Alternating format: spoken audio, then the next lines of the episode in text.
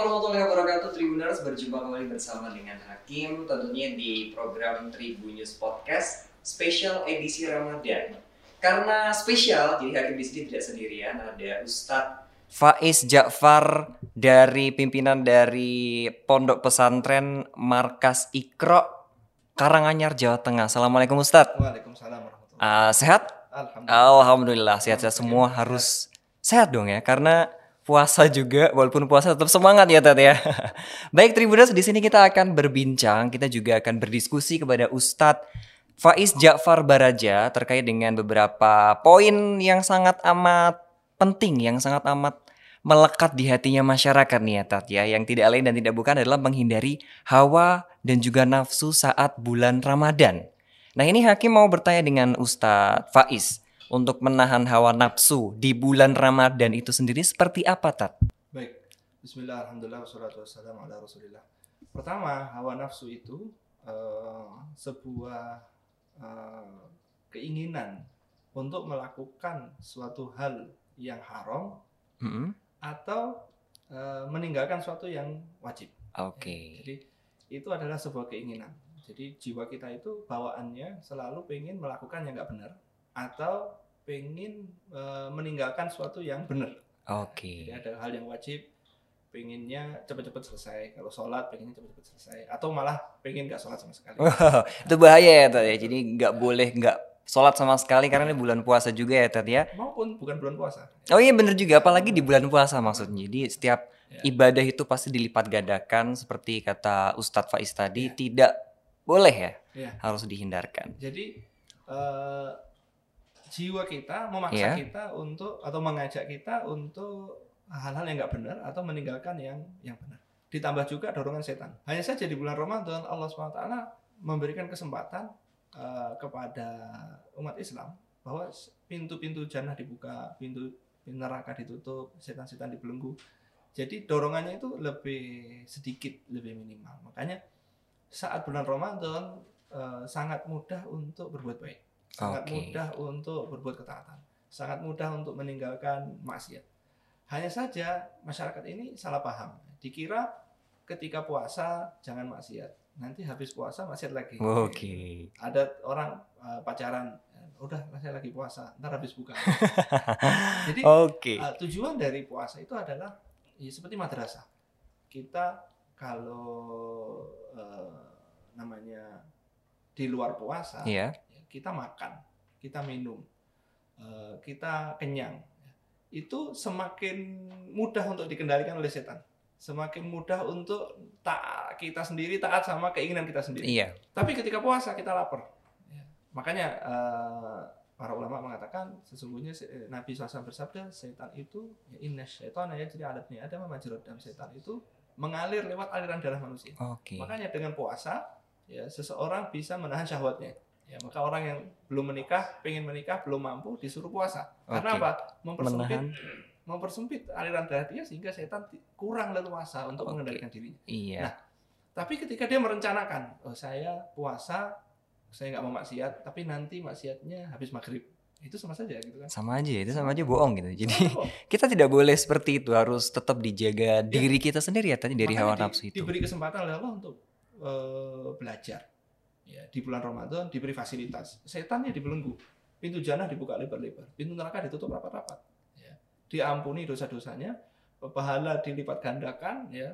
Oh, apa namanya? Euforia masyarakat dalam Ramadan ini mendukung kita untuk berbuat baik gitu. Iya. Tapi ketika dia merencanakan, saya mau menahan diri dari nafsu. Sampai kapan? Sampai buka. Habis buka saya mau mau mengumbar lagi nafsu. Waduh. Mau maksiat lagi. Ya sama aja. Ya, sama Oke oke. Terus Kapan dia bisa jadi baik kalau memang begitu kan? betul banget tadi. Jadi emang nggak boleh ada walaupun puasa itu cuma 12 sekitar 12 jam dari fajar sampai maghrib Betul. itu tidak boleh setelah itu harus leluasa gini-gini gini itu harus ditahan ya. ya. Iya, iya. Ya, kita hidup ini mau apa? Ya, kita ingin menjadi lebih baik. Ya, di antara eh, perjalanan kita sepanjang setahun, ya Allah berikan kesempatan satu bulan ini untuk eh, mengalami percepatan-percepatan. Oke. Jadi selama 11 bulan mungkin kita sibuk apa segala macam kurang, kurang semangat, kemudian qiyamul lail nggak pernah, baca Quran sedikit. Tapi ketika bulan Ramadan ini orang mudah banget untuk baca Quran.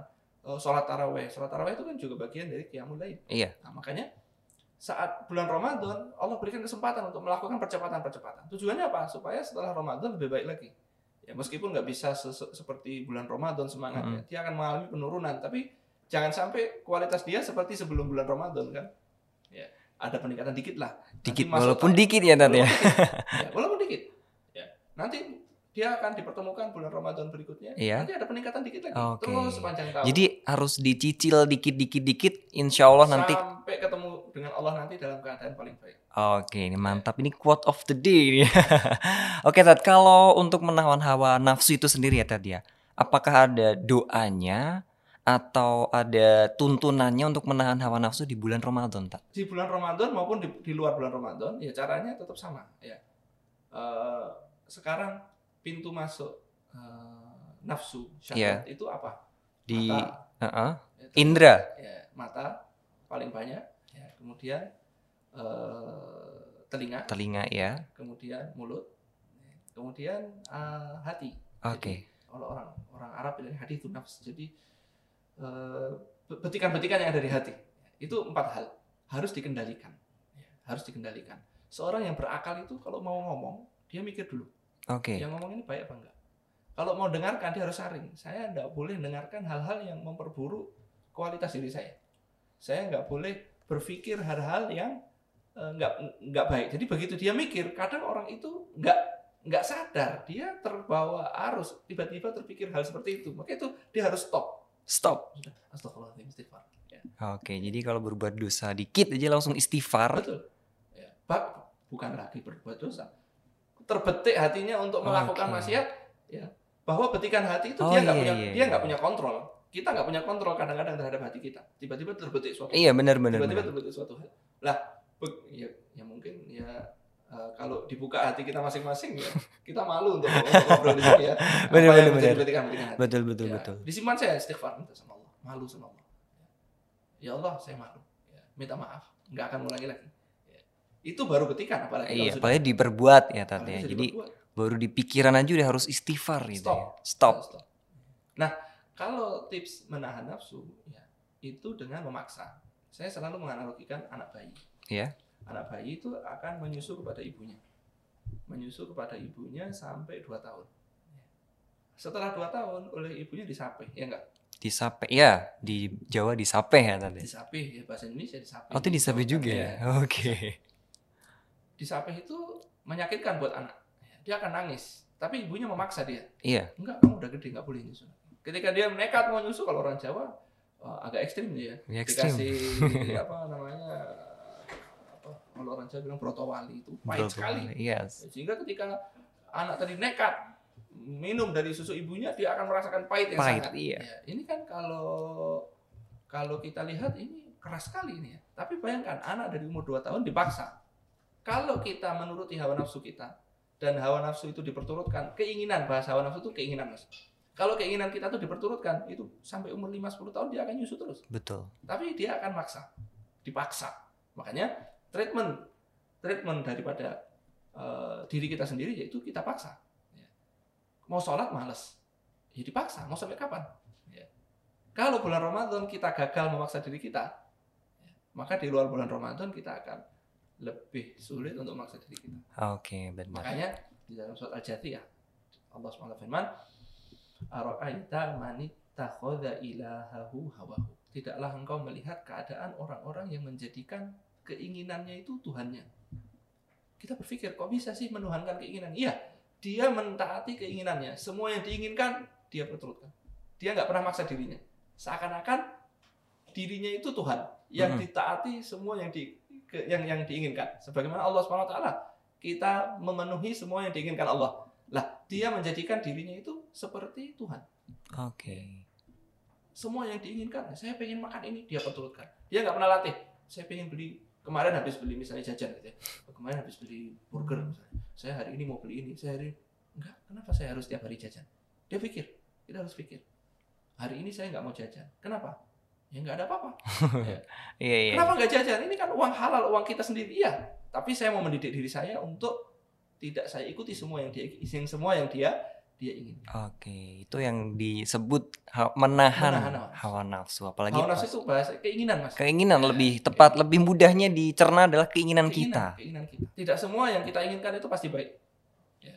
Tidak semua yang kita inginkan itu timbul dari eh, betikan-betikan jiwa yang baik. Kadang-kadang keinginan kita itu mundur- mun- muncul dari betikan-betikan jiwa Hmm. yang buruk, yang mengajak kita kepada keburukan. Maka kita untuk berhenti dari suatu keburukan itu butuh memaksa.